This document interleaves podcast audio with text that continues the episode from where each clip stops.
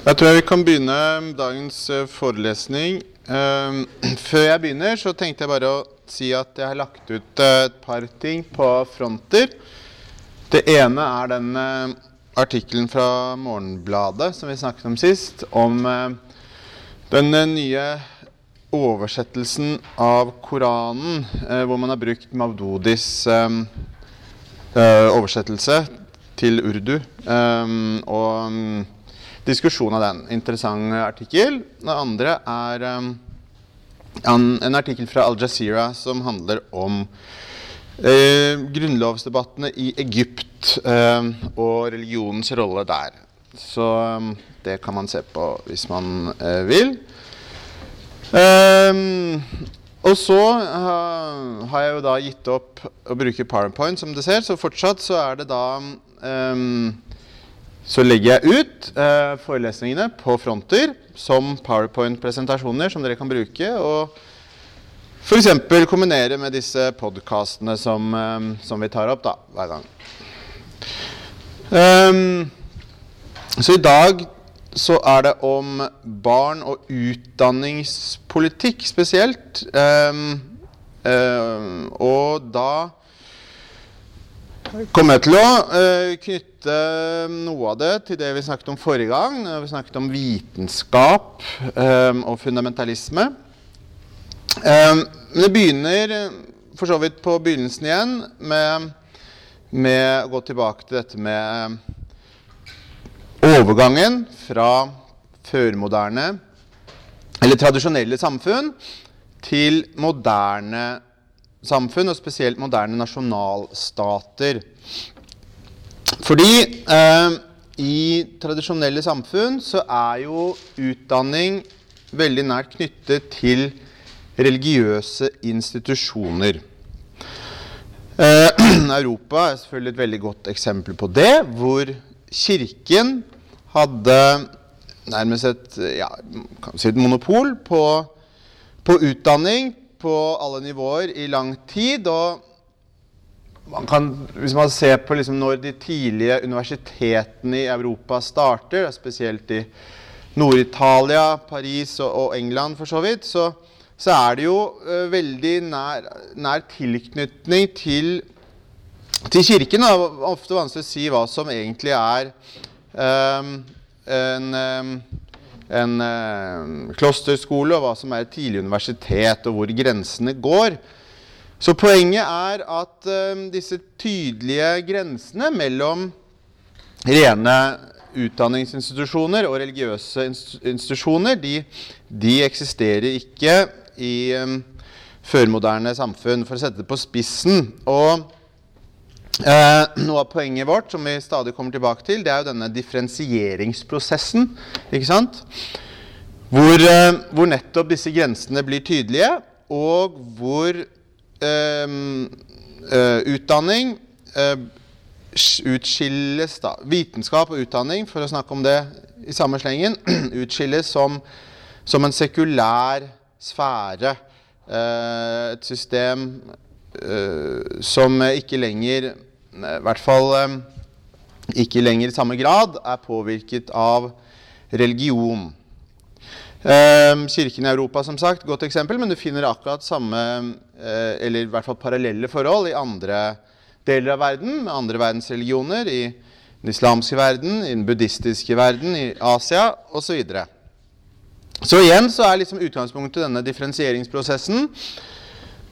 Men det jeg kanskje vil legge til spesielt når det gjelder utdanning, det er jo det faktum at med fremveksten av nasjonalstater så får utdanning en veldig eh, viktig og veldig stor betydning. Og da er vi jo eh, midt inne i den perioden som jeg hele tiden peker på her, som som liksom da alt skjedde, da grunnlaget for, um, for uh, fundamentalistiske reaksjoner ble lagt, nemlig fra midten av 1800-tallet. Fordi nasjonalstaten oppstår, som vi har snakket om før, den oppstår jo det, Igjen så er det forferdelig vanskelig å sette klare skiller. Da. Men, men eh, det er jo vanlig å tenke at nasjonalismen oppstår eh, med den franske revolusjonen, Og så kan man selvfølgelig trekke det tilbake og se på protonasjonalismer og tidlige former for nasjonalisme. Men hvis vi sier slutten av 1700- og begynnelsen av 1800-tallet, så er liksom den tidlige nasjonalismen i full gang. Og så får man nasjonalstater etter det som, som utvikler seg da. som Um, stater som, som, tenker at de har um, nasjoner um, innenfor sine grenser, og, og, og som da er for så vidt noe nytt da, i verdenshistorien. Og noe nytt når det gjelder hvordan mennesker organiserer seg politisk. Og for disse nasjonalstatene så blir utdanning forferdelig viktig. Fordi Allmenn utdanning, allmenn skolegang, er jo kanskje det aller viktigste middel som disse nasjonalstatene har for å egentlig for, Igjen for å sette på spissen for å lage nasjoner. Nasjon er jo en gruppe mennesker som, som deler en kultur, som deler et verdenssyn osv. man får ikke lagd en nasjon uten å ha en viss grad av felles allmenn skolegang. Og det, det, er jo grunnen til at um, skolene er så viktige for utvikling av nasjonalstatene. Um, og hvis vi ser på enkelte land uh, Vi kunne gått gjennom mange viktige land uh, og, sett på liksom, hvordan den moderne skoleverket utvikler seg. Så, så ser vi dette her uh, faller, i hvert fall i vestlige land, faller inn omtrent i, i samme periode. Hvis vi ser på USA, f.eks., så ser man at allmenn, allmen, gratis allmennutdanning begynner å skyte fart fra begynnelsen av 1800-tallet og, og, får virkelig, sprer seg virkelig fra midten av 1800-tallet. Og mot slutten av århundret så, så, kan man snakke om at eh, man virkelig har en, en allmenn eh, form for skolegang i USA. Eh, kunne gått gjennom mange land. I Frankrike er en veldig interessant eh, historie med, med, en stor skoleutdanningsreform på slutten av 1800-tallet under eh, statsminister Jules Ferry, eh, som kommer med eh, egne lover om gratis og sekulær allmennutdanning i Frankrike. Eh, og slik kunne man da fortsette i Vesten, og kommer tilbake til andre deler av verden etter hvert. Men poenget er altså denne utviklingen fra rundt midten av 1800-tallet framover, hvor, hvor, nasjonalstatene innfører eh, sekulær og allmenn skolegang som del av eh, Som del av eh, av sine hva skal vi si, identitet, sitt store identitetsprosjekt. Da, altså rett og slett for å skape disse nasjonene som vi nå tar for gitt, for så vidt. Så det er utgangspunktet vårt. Uh, og det kommer jeg tilbake til mange ganger i løpet av forelesningen. Men jeg har lyst til å si en annen, annen, annen sak før jeg fortsetter. Og det, det er uh, dette stikkordet enklavekultur, som jeg bruker så vidt i som dere treffer noen steder i pensum. Og dette ordet enklave det har jeg for så vidt nevnt i en av de tidlige forelesningene. Og når jeg sier enklave, så, så mener jeg da altså en gruppe som er veldig opptatt av sine egne grenser. Og i mye av litteraturen om fundamentalisme så, så, så omtaler man da disse gruppene som enklaver. Uh, og man snakker om enklavekulturer. Og det som er spesielt med enklavekulturer, det er jo eh, først og fremst at det er en veldig høy grad av solidaritet innad. Forholdsvis høy grad av likhet også. Uh, og ganske liten grad av hierarki innad. Selv om vi selvfølgelig kunne snakke mer om det. Men poenget her det er at når vi snakker om barn, eh, så eh, blir eh, disse ideene om grensene mellom enklaven, altså mellom gruppen og verden, blir spesielt viktige. Um, og dette kommer vi til å snakke om i neste forelesning også, for da skal vi snakke om, om kvinnestilling i fundamentalisme og dette med familieliv. Og poenget nå er jo at vi eh, har beveget oss litt bort fra, fra disse områdene som vi kanskje kan kalle, kalle offentlige. Altså, vi, vi, har snakket om i tidligere forelesninger så har vi snakket om politikk og juss, eh, vitenskap eh, osv. Mens nå beveger vi oss litt mer inn på det som har med eh, utdanning i dag, men også dette med barn, familieliv osv. Altså det som er privat. Eh, og da eh, Da er det ganske interessant å se på en del eh, det vi kan kalle sosialpsykologiske kanskje, eh, prosesser eller, eller dynamikker da, i disse gruppene som vi er opptatt av, fundamentalistiske grupper. Og Spesielt da, i, i dag så, så, så, vil jeg da understreke dette med, med barns stilling i, i, disse gruppene, og barn som vi kan nesten si som, som symbol på gruppens eh, evne til å opprettholde grenser mot verden utenfor. Ikke sant? Fordi, som vi for så vidt begynte hele dette emnet med, så snakket vi om sant, modernitet. Hovedmotsetningen her er mellom den fundamentalistiske gruppen eh, og verden utenfor, en moderne verden. Eh, og måter å opprettholde disse grensene på.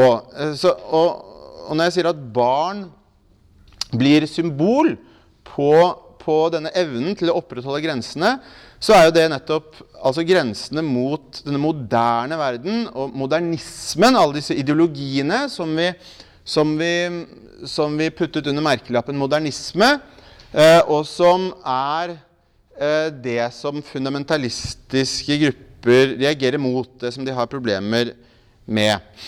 Og, eh, og, i lys av dette så, så, tror jeg det er litt lettere å forstå hvorfor mange fundamentalistiske grupper, ikke minst i kristendommen, er veldig opptatt av dette med utdanning eh, og barneoppdragelse. Ikke sant? Storsamfunnets, modernitetens normer, kultur, kan sive inn gjennom disse grensene og forurense gruppen. Og selvfølgelig, på den annen side, så kan eh, gruppens, enklavens medlemmer kan selvfølgelig forlate gruppen når de er store nok til det, hvis ikke de sosialiseres inn i kulturen på riktig måte. Så derfor disse grensene eh, blir eh, veldig viktige for eh, disse gruppene, da. Eh, og så skal jeg gå litt til um, noen eksempler på, på dette med um, På der hvor fundamentalistiske grupper um, kolliderer med denne nasjonals, som jeg begynte med, nasjonalstatens utdanningspolitikk. Uh, moderne syn på utdanning. Og Hovedcaset i, i, noe av pensumet deres det er jo denne berømte uh, rettssaken i USA, Tennessee, uh, nemlig Scopes-rettssaken. Uh, bakgrunnen for den det er jo nettopp dette som jeg begynte med å si, at man hadde i USA en voldsom utbygging av offentlig skole fra Eh, begynnelsen av 1800-tallet gikk selvfølgelig i forskjellig tempo i forskjellige, forskjellige, deler av USA. Og i sørstatene gikk det saktere. Men eh, poenget er at man hadde denne store utbyggingen av offentlig skole. Og man hadde eh, også en Selvfølgelig de, En del av dette her er selvfølgelig også moderne kapitalisme. Veldig mange Veldig mange som skriver om både nasjonalisme og fundamentalisme, er jo opptatt av økonomiske drivkrefter. Og det er klart at eh, moderne kapitalisme eh, her i, form av, eh, av forleggere, ikke sant? forlagshus, er selvfølgelig veldig viktig i, i dette bildet. Fordi i et land som USA så, så, så, var det slik at en del store foreleggere, forlagshus, naturligvis eh, ønsket å tjene penger på å lage lærebøker. Det, var et marked for lærebøker. Og, og disse markedsdrivkreftene de overlappet ofte selvfølgelig med, med da nasjonalstatens ønske om, om eh, en form for uh, ensretting, eller, eller, i hvert fall eh, ønske om, om, at, om, om, at, skoler skulle bruke samme, samme lærebøker, samme materiell. Så, så, disse økonomiske drivkreftene er selvfølgelig også enormt viktige for å forstå eh, utvikling av eh, den moderne nasjonalstatlige kulturen, og hvordan den får nedslag i i, eh, her i skolebøker, men også selvfølgelig i andre sektorer. Da. Og en, eh, et, et, uttrykk for dette her, det er jo denne eh, veldig viktige læreboken som kom i 1914, som het Civic Biology, som var noe av bakgrunnen for denne Scopes-rettssaken. Og denne boken, Civic Biology, den, den er det skrevet en del om, eh, fordi den dannet mye av dette grunnlaget for for, eh, for kampen mellom fundamentalisme og eller fundamentalistiske grupper og, og den moderne nasjonalstaten. Og, og noe av poenget uh, i, i, det som er skrevet om den, det er jo at det er veldig lett å se at den type lærebøker har et veldig sterkt politisk innhold, i den forstand at den inngår i, i dette nasjonsbyggingsprosjektet som jeg snakker om. Det, det er veldig stor vektlegging av moral, veldig stor vektlegging av, av sant, hygiene, eh, av eh, hvordan man skal leve som moderne borger i et moderne land, eh, verdier eh, Ja, typisk nasjonsbyggingsprosjekt, da. Men også selvfølgelig moderne vitenskap i, i, boken, i denne type bøker, at det inneholder moderne syn på biologi og andre vitenskaper. Eh, og denne boken var jo da eh, en direkte bakgrunn for at man i, i deler av eh, sørstatene eh, fikk reaksjoner mot eh, moderne biologisk vitenskap. Og spesielt fokuset her er jo Tennessee, hvor man fikk en lov som som kalles The Butler Act i 1925, som, eh, som skulle forby nettopp den type undervisning av evolusjonsteori som denne typen læreverk da forfektet. Eh, og som dere har sett i pensum, så ble jo dette en veldig svær og viktig rettssak. Eh, delvis fordi at eh, aktor. William Jennings Bryan var en veldig berømt person. Veldig kjent politiker i USA. Eh, forsvareren òg, som het Clarence Darrow, var, var en viktig eh, og forholdsvis kjent person. Men Bryan var eh, betydelig mer kjent. Så, og, og, og, dette er jo også veldig viktig å se i lys av, uh, lys av ny en, en, en, ny eller framvoksende offentlighet, kan man si. Offentlighetskultur, hvor, hvor aviser fikk mye mer å si. Um, og dette var liksom en av de tidlige um, nasjonale sakene i USA, hvor man daglig hadde uh, både masse selvfølgelig bildemateriale fra rettssaken og, og reportasjer da, fra, fra, denne rettssaken i Dayton, Tennessee. Uh, og det er skrevet spennende bøker om denne rettssaken som gjengir mye av dette bildematerialet og viser hvordan dette, denne nye eh, eh, journalistikken da, og offentlighetskulturen, hvordan den brakte denne rettssaken inn i stua til veldig mange amerikanere, gjorde den eh, viktig og relevant eh, på denne tiden. da. ja, jeg, jeg skal ikke gå så veldig mye inn i, inn i selve sakens kjerne, fordi det leser dere om. men jeg har lyst til å bare kort uh, nevne at, uh, at det, dette selvfølgelig ikke var uh, slutten på Dette var begynnelsen, det var slett ikke slutten på, på denne type rettslige kamper om utdanningspolitikk i USA. mye av litteraturen om amerikansk fundamentalisme Um, snakker om at um, man, man, hadde den første oppblomstringen, eller første bølgen av uh, protestantisk fundamentalisme um, sånn røftlig mellom uh, mellom 1910 og, og fram mot slutten av 20-tallet, 1930, for å gjøre det enkelt. Men så hadde man mye mindre aktivitet, virket mindre relevant kanskje. Og denne kampen, kulturkampen i USA mellom liberale og fundamentalister, som var så viktig på begynnelsen av 1900-tallet, virket mindre relevant på, da man kom til 30- og ikke minst 40-tallet mange selvfølgelig store politiske og økonomiske grunner til det. Men så snakker man da også ofte om at eh, denne kampen blir relevant igjen fra 50-tallet. Og da får man fra 50- og kanskje spesielt litt senere, 60-tallet, så får man en, en, den andre store bølgen, andre, en, en, ny, en oppblomstring av eh, fundamentalisme i USA. Og En del av eh, denne andre bølgen det er eh, bl.a. mye aktivitet når det gjelder eh, Eller mye konflikt når det gjelder eh, kristendommens plass i amerikansk offentlig skole.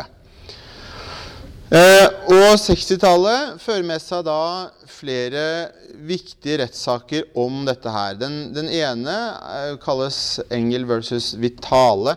1962, eh, en høyesterettsavgjørelse eh, fra New York, eh, eller den begynte i New York, hvor man innførte bønn i, i skolen.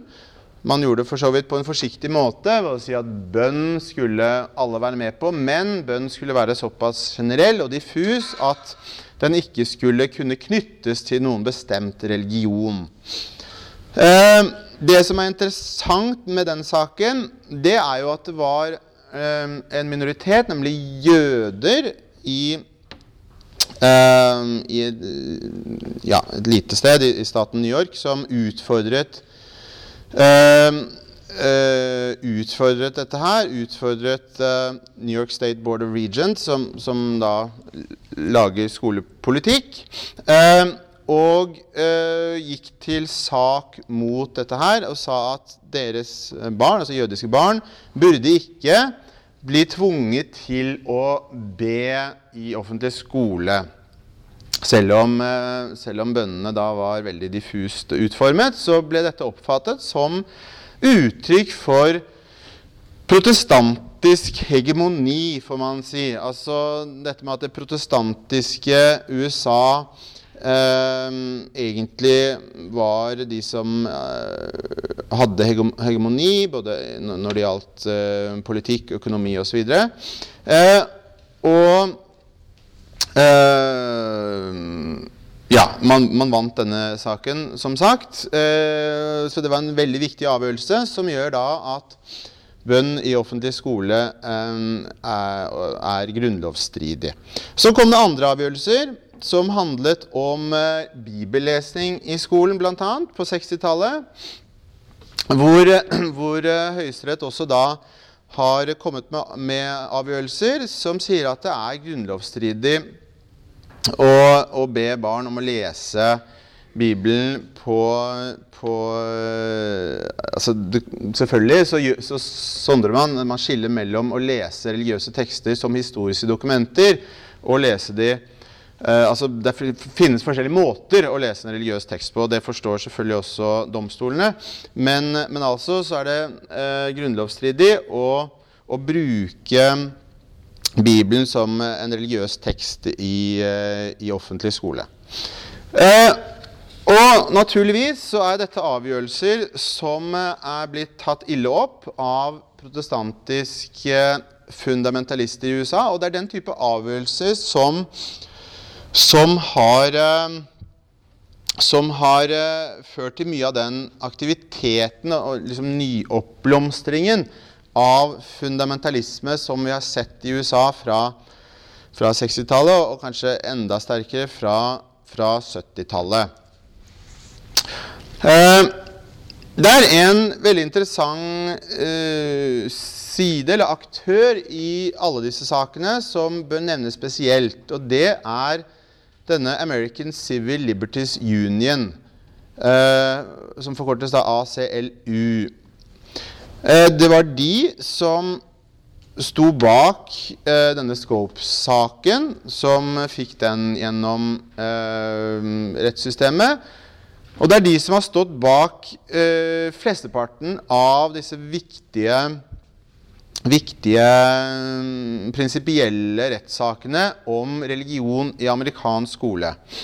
Eh, både som moralske støttespillere, men også, også, rent sånn økonomisk at de har finansiert, eh, finansiert advokatregninger, rett og slett, for å, for å, kunne føre disse sakene. Og det, det gjør de fortsatt, eh, for så vidt. Eh, og, og, disse sakene fortsetter. Man hadde f.eks. i 2005 en, en, eh, en sak i um, Pennsylvania um, om intelligent design.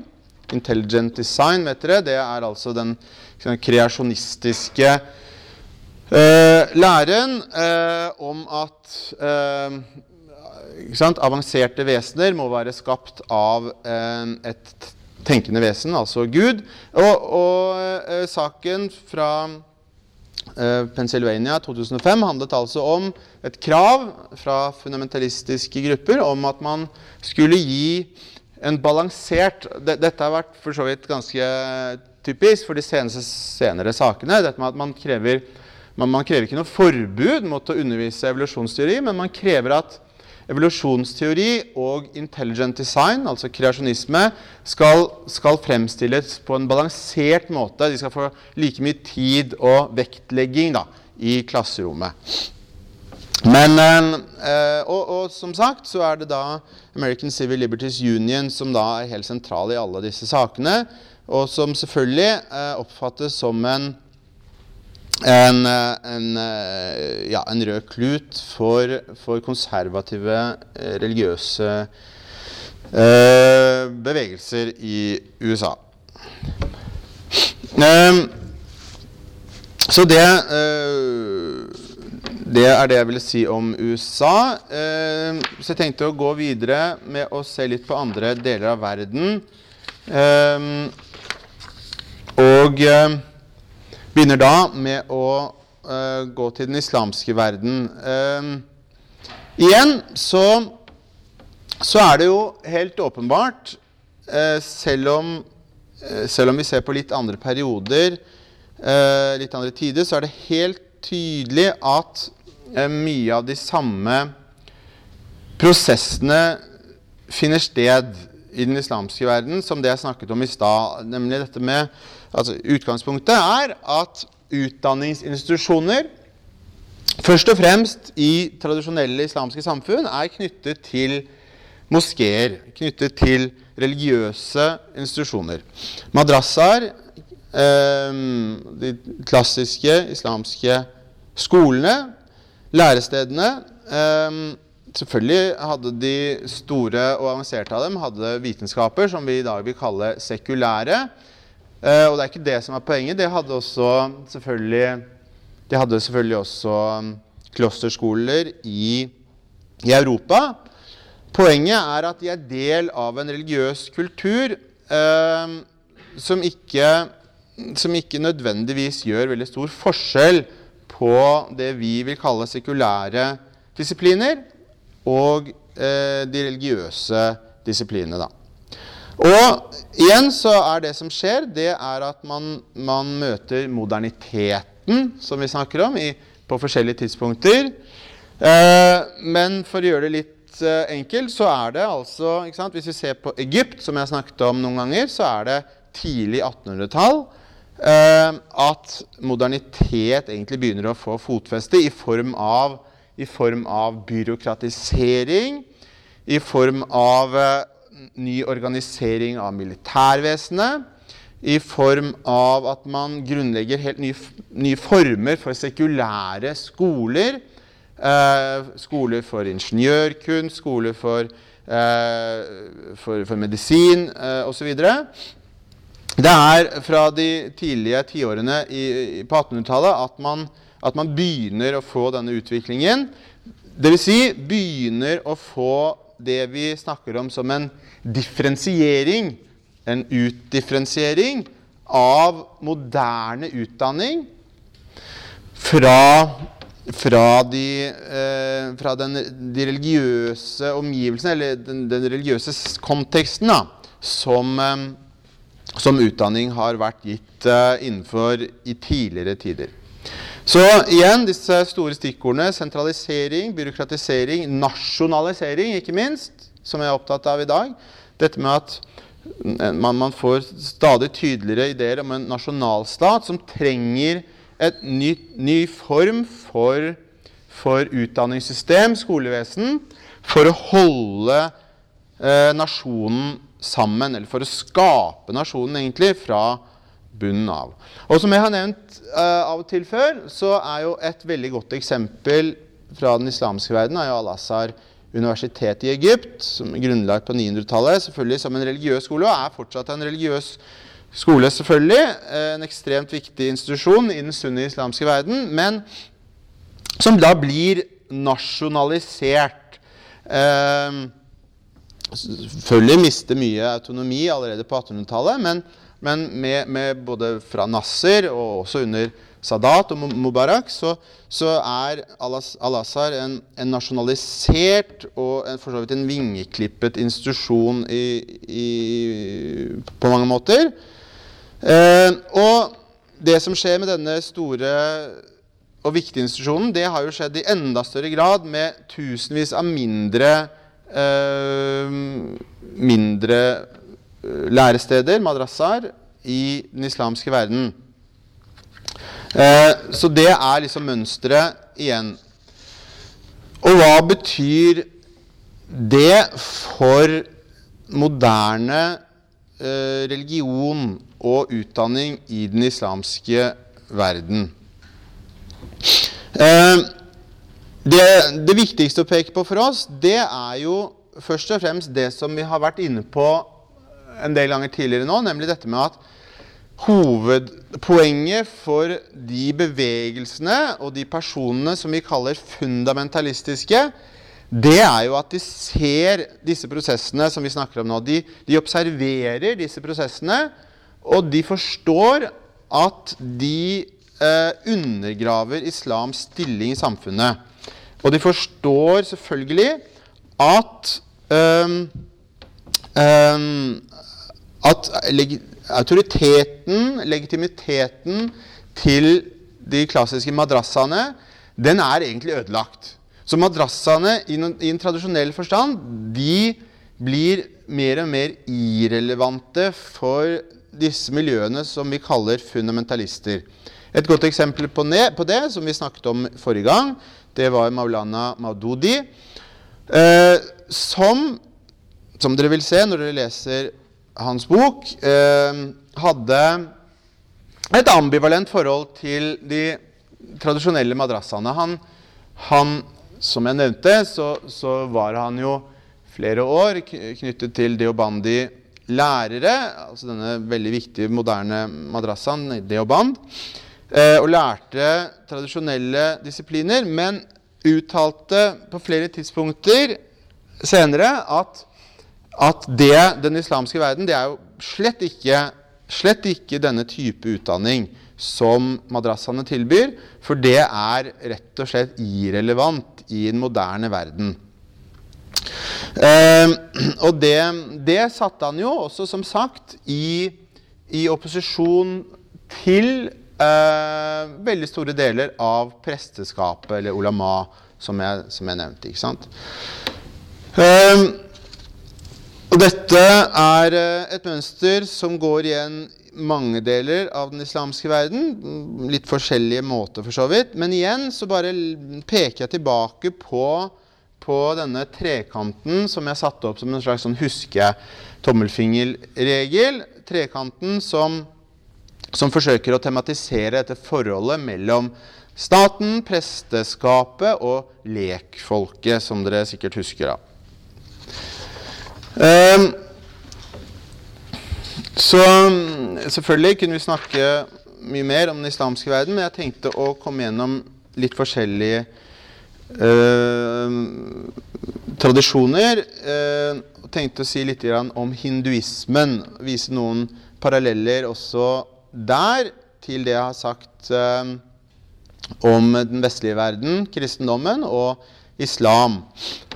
Eh, åpenbare paralleller, selvfølgelig. Hvis vi begynner med kolonitiden i India, så ser vi at eh, britene var opp, veldig opptatt av utdanningspolitikk i India. Eh, og igjen så er det 1800-tallet eh, som er viktig. 1830-tallet spesielt var eh, en periode da britene i India eh, var veldig opptatt Eller det var, det var en stor debatt innad i britisk, blant, blant britiske byråkrater og politikere om hvordan man skulle se på utdanning i koloniene, og spesielt i i denne aller viktigste kolonien, uh, som var India. Og, og da fikk man, uh, man fikk, um, en, en, en, spesielt viktig person her, og en, en fyr som het Thomas Babington Macauley, som på 1830-tallet uh, eh, fikk lov til å øh, påvirke utdanningspolitikk i i uh, Britisk India. Uh, med det mål, hans helt uttalte mål, som han fikk gjennomslag for, det var å rett og slett skape en engelskspråklig, engelsk utdannet middelklasse som kunne være et bindeledd mellom britene som kolonimakt og hundrevis av millioner av, av unders, undersåttere er et veldig sterkt ord, men altså av, av indere, da. Selvfølgelig, det er ingen som innbilte seg at man, kunne, at man da på den tiden kunne lage masseutdanning. Eh, men man ønsket å lage en stor eh, middelklasse eh, som egentlig tenkte som briter. Og det er ganske viktig Dette er et viktig poeng for å forstå Mener jeg, for å forstå moderne kultur i store deler av Asia og Afrika. Dette ønsket og dette veldig eksplisitte forsøket på å lage en engelsk middelklasse. For det er, som jeg har forsøkt å forklare mange ganger, så er det jo nettopp fra denne middelklassen at de bevegelsene kommer som vi kaller fundamentalistiske, egentlig. Så, så det er et veldig viktig eh, poeng. Det gjelder selvfølgelig ikke bare hinduer, det gjelder også muslimer eh, og, og sikher osv. i, i, i britiske kolonier. da. Så, så, vi ser altså fra 1830-tallet at man skaper eh, Britene grunnlegger colleger, universiteter i de viktige byene.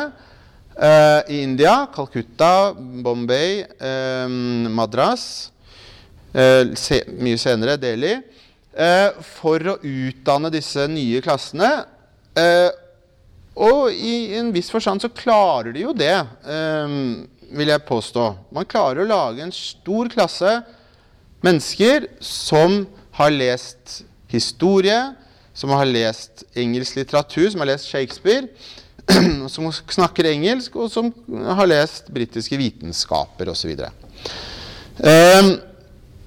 så det, det, er på en måte begynnelsen til det vi kan kalle sekulær og moderne utdanning i den hinduiske verden. Og det er det, er det som er grunnlaget også for, for liksom de politiske klassene i, i, i, det moderne India.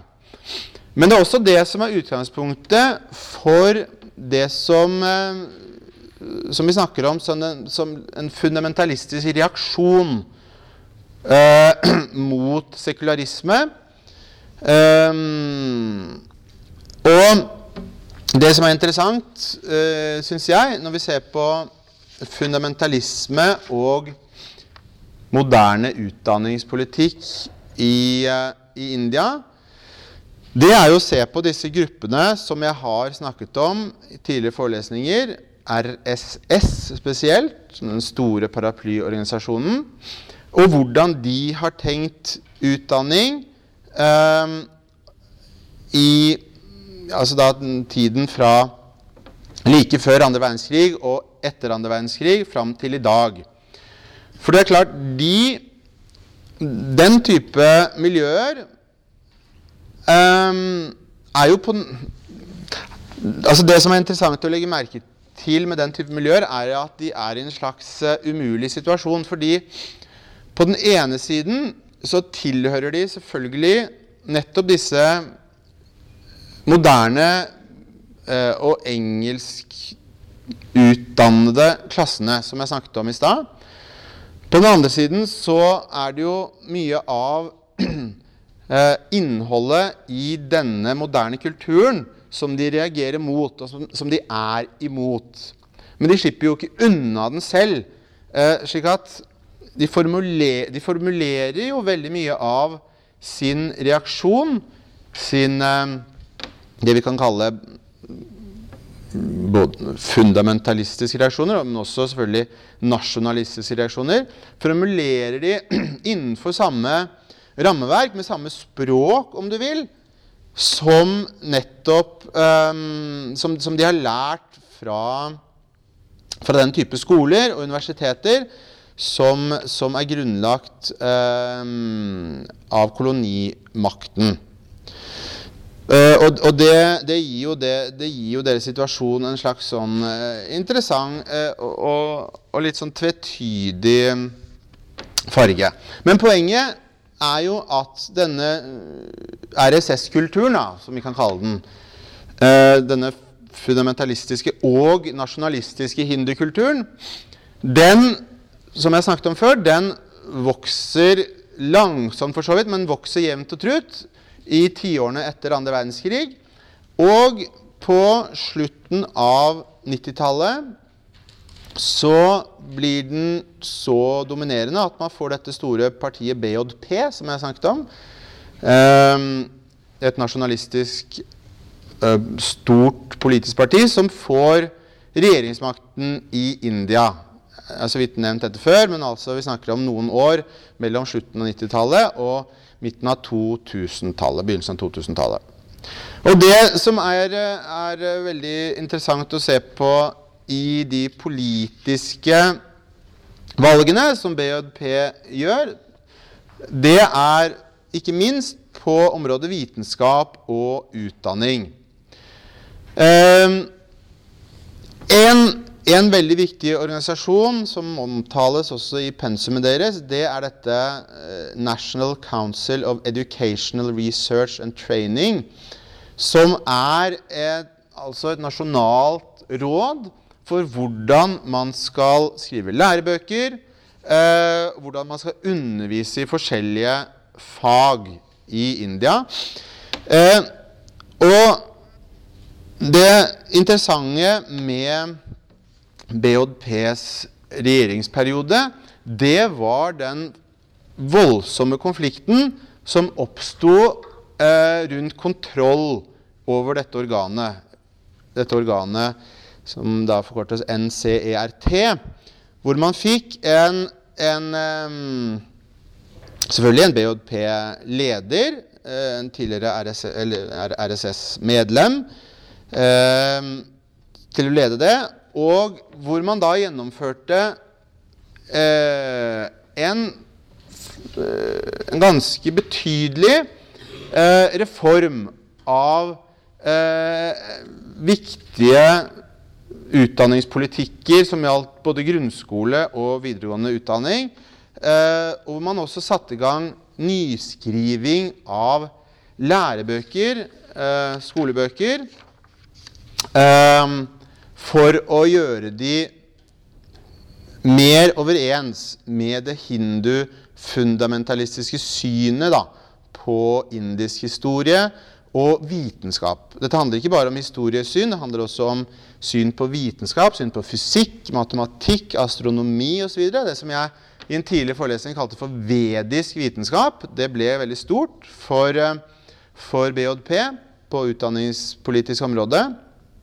Og jeg snakket vel i forelesningen om vitenskap så snakket jeg vel litt om dette som Kanskje man kan tolke det som et forsøk på eh, kulturell selvhevdelse.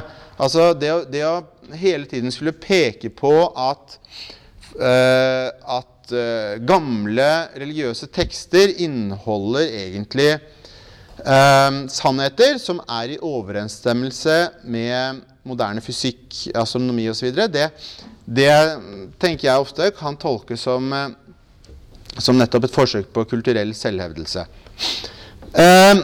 men kanskje enda enda mer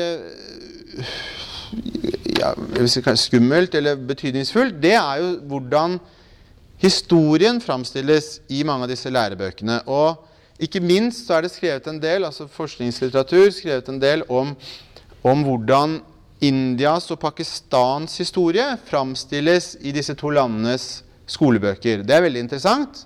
Skolebokforskning er veldig interessant.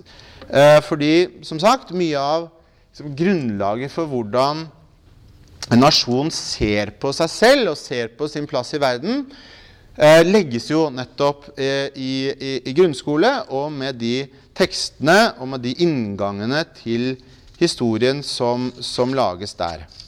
Eh, og selvfølgelig er det veldig mange eksempler fra denne delen av, av verden, India og Pakistan, på at man fremstiller historien Um, på måter som um, På den ene siden kan man kanskje si uvit uvitenskapelig, men, men, men viktigere på, på, en måte som, som, uh, som viderefører og, um, og understreker liksom fiendskapet mellom disse nasjonene.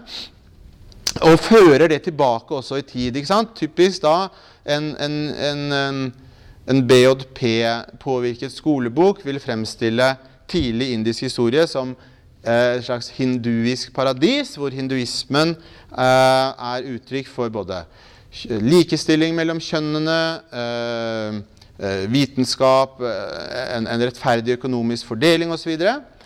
Hvor man da fremstiller islam som et fremmedelement i i denne delen av verden, mens en pakistansk skolebok gjerne vil gjøre det motsatte. Eh, fremstille hinduismens historie som, som, eh, som, historien til en svak, feminisert religion, eh, og hvor man egentlig ikke fikk eh, noe ordentlig, noe ordentlig øh, kultur, øh, høykultur, noe ordentlig politisk organisasjon osv. før islam kom til, eh, til, denne delen av verden. Da. Så den type eh, skolebokforskning er veldig interessant. Eh, før jeg avslutter dette med India, så har jeg også lyst til å bare nevne kort at eh, denne kampen om skolebøker, den finner jo ikke bare sted i India, altså vi snakker om hinduismen, men også i 2005 så var det en veldig interessant, syns jeg, og sterk konflikt i California om hvordan hinduismen ble framstilt i i de skolebøkene som skulle da godkjennes av stat, delstatens myndigheter for bruk i grunnskolen. For da var det altså to eh, forholdsvis innflytelsesrike hinduorganisasjoner, jeg vil si hindufundamentalistiske organisasjoner. Den heter The Vedic Foundation, den andre heter Hindu Education Foundation. Som eh, gikk til eh, en, Skapte en voldsom kampanje for å omskrive eh, hvordan altså, hinduismen ble fremstilt i disse skolebøkene. Og Spesielt så var man da opptatt av at eh, det var galt å framstille kastesystemet som en del av hinduisk kultur. Det var galt å, å, å ikke fremstille hinduismen som opptatt av eh, likestilling mellom kjønn. Eh, også en del eh, poenger som handlet om, om, dette med polyteisme versus monoteisme osv. Eh, hvor man egentlig for å, for, å, for å, gjøre en lang historie kort, man ønsket egentlig det man kan kalle en fundamentalistisk og hindunasjonalistisk omskrivning av skolebøkene. Det som var spennende synes jeg, med denne, med denne konflikten, det var jo at eh, en del av USAs fremste religionshistorikere, altså spesielt de som drev med India, de kastet seg inn i dette her og skrev brev. Spesielt en som gikk i bresjen for dette, var en en fyr som heter Michael Witzel, som er professor i sanskrit ved Harvard-universitetet, som skrev et langt brev til Californias eh, skolemyndigheter eh, og protesterte da kraftig mot disse hinduorganisasjonenes forsøk på å på å omskrive eh, skolebøkene til fordel for hindutva, som dere husker dette, dette ordet hindutva. Hinduiskhet, hindufundamentalistisk kultur. Eh, så det, var, eh, det, er bare et eksempel på, på hvordan, eh, hvordan, denne type mm, konflikter om om utdanningspolitikk, og spesielt om innholdet i skolebøker, eh, er eh, globalisert for så vidt, eh, og betyr veldig mye for denne type aktivistorganisasjoner. Så skal jeg i siste del av forelesningen min snakke om buddhismen. Um, igjen um, Selvfølgelig så må man understreke at dette får forskjellige uttrykk i forskjellige land. Men igjen så, så, vil jeg da påpeke dette med at i Nå snakker jeg om Theravada, buddhistiske land. Snakker spesielt om Sri Lanka og, og, Thailand. Eh, men poenget er at i tradisjonelle, de tradisjonelle buddhistiske samfunnene så er selvfølgelig utdanning en del av det religiøse komplekset. Det er tempelskoler som egentlig var det eneste utdanningstilbudet som eksisterte eh, i, i eh, buddhistiske samfunn. Hvor man da underviste, hvor munker underviste i eh, Man kunne f.eks. undervise i utvalgte tekster for vanlige folk. Man kunne undervise i astrologi. Eh, en del andre det vi vil kalle hva skal vi si, folkevitenskaper, eh, forskjellige typer eh, mytologi osv. Eh, det som endrer seg eh, igjen, eh, så er det da eh, denne moderne tiden som vi er så opptatt av, som kommer med, med møtet med Europa. Og for Sri Lankas del så finner jo det sted fra 1815 hvor Sri Lanka blir kolonisert av britene. Eh, og det fører til veldig store endringer. Jeg har eh, understreket før at eh, et land som Thailand, som jeg har brukt som case av og til, det ble jo aldri kolonisert, men likevel så møter man jo en del av de samme prosessene der fordi at trykket, kravene fra den moderne verden rundt, altså fra omgivelsene, var så stort at eh, herskere nødvendigvis måtte tilpasse seg eh, for å, i det hele tatt å klare å beholde selvstendighet og for å klare å bringe landet inn i en moderne tid, for å si det på den måten. Men for å, for å holde oss litt til Sri Lanka, som er et spennende case, så, så ser vi jo at fra andre, tredje år, år, tiåret på 1800-tallet så begynner eh, engelskspråklig utdanning å få en viss betydning blant buddhister. Eh, eh, et eksempel i 18, 1828 var det 236 protestantiske misjonsskoler i Sri Lanka. Tallet er selvfølgelig ikke viktig, det er ikke det som er poenget. Men når man begynner å få en viss masse med skoler, ja, den vokser veldig fort. Etter hvert så får man tusenvis av misjonsskoler eh, som underviser i eh, selvfølgelig engelsk, men også i vestlige vitenskaper. Eh, men også i kristendom, naturligvis. Eh, og man får også selvfølgelig Jeg snakket i stad om en eksplisitt utdanningspolitisk mål om å skape en engelskspråklig middelklasse. Og det skjer akkurat det samme i dette buddhistiske samfunnet, Sri Lanka. Man skaper en engelskspråklig, engelsk utdannet middelklasse med, med, mennesker da, som blir lærere, de blir byråkrater, noen blir leger eh, osv. Moderne utdanning, utdanninger. Og det er fra denne gruppen at eh, de moderne forsøkene på å gjenreise buddhismen kommer. Og det er herfra også at det vi kan kalle buddhistisk fundamentalisme, egentlig oppstår. Og det, det beste eksempel eh, jeg har på det, som jeg har nevnt i flere tidligere forelesninger, det er denne mannen som het Anagarika Dharmapala. Som da var spesielt aktiv fra 1890-tallet framover, altså første tiårene av 1900-tallet.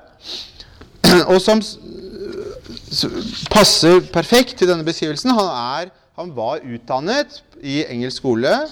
Han skrev, snakket, tenkte engelsk. Han skrev også noe på singalesisk, så han hadde begge deler. Men han var altså utdannet eh, i en misjonsskole eh, eh, og tenker som en vestlig person på veldig mange måter. Og det er Dharmapala som er liksom virkelig eh, symbolet på, på, det jeg vil kalle eh, moderne buddhistisk nasjonalisme og fundamentalisme i Sri Lanka. Eh, og igjen, for å understreke det enda en gang, han, han oppsummerer veldig mye av disse poengene som jeg snakker om, nemlig dette med at det er, det er, en moderne måte å tenke religion på. En moderne måte å tenke eh, religiøs identitet på. Og det, igjen så, det, så ser vi et veldig eh, ambivalent forhold til dette med tradisjonell religiøs autoritet. Et ord som jeg hele tiden kommer tilbake til. Religiøs autoritet. Fordi Dharmapala Eh, ble aldri munk. Han, eller han ble faktisk munk helt på slutten av livet. Eh, noen, så vidt jeg husker bare noen dager eller uker før han døde. Men, men, gjennom hele sitt liv så var han altså en anagarika. Anagarika er ikke et navn, det er en tittel som han skapte. Han skapte altså en, en rolle som sto midt mellom en lekperson og en munk. Han ville ikke bli munk, for han mente at eh, deler av munkenes eh, posisjon kanskje ikke var eh, relevant nok og, og ga ikke eh, en plattform for den type aktivitet som han ville gjøre. Så han skapte altså denne nye, nye lekfolksrollen som jeg er veldig opptatt av her, eh, i, i, forskjellige verdensreligioner. Eh, og, og, som en plattform for både politisk og religiøs, eh, religiøs aktivitet. Og det er på en måte forutsetningen for, utgangspunktet for, det som eh, vi kaller fundamentalisme i både buddhismen og i andre verdensreligioner. Um, så da har jeg snakket litt om eh, mange forskjellige eksempler. Eh, jeg skal egentlig eh, bare ta oppsummere litt. Eh, i, altså, poenget med å trekke fram eksempler fra kristendom, islam, hinduisme, buddhisme, det er jo å understreke dette med Igjen dette med differensiering av utdanningen fra de religiøse institusjonene, som vi har sett. Og denne innføringen av sekulær masseutdanning eh, og den trusselen som det utgjør mot konservativ eller tradisjonell religion.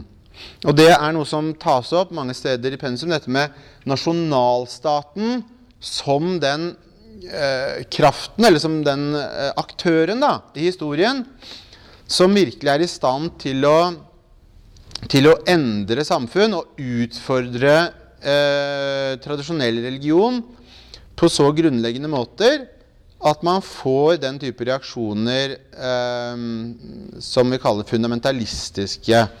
Um, eh, og selvfølgelig så snakket jeg litt også om barnas og, og, og, og grunnskolen, barnas utdanningens plass i dette bildet. Fordi barn um, er et veldig ofte et veldig godt symbol på De, de, de, de blir ofte et symbol på, på, på, i hvilken grad en gruppe klarer å opprettholde en religiøs kultur. Eh, og i hvilken grad man klarer å videreføre den til neste generasjon, selvfølgelig, som er et avgjørende selvfølgelig, kriterium for, for suksess for enhver organisasjon, eh, enhver eh, religiøs kultur, selvfølgelig. Eh, og det er noe som vi også kommer til å komme inn på i, i neste forelesning, om, eh, om, som vi skal snakke litt mer om kvinner, familie, eh, tenkning om familier osv. Så så det er for så vidt det um, jeg hadde å si i dag. Men så tar vi gjerne spørsmål og kommentarer.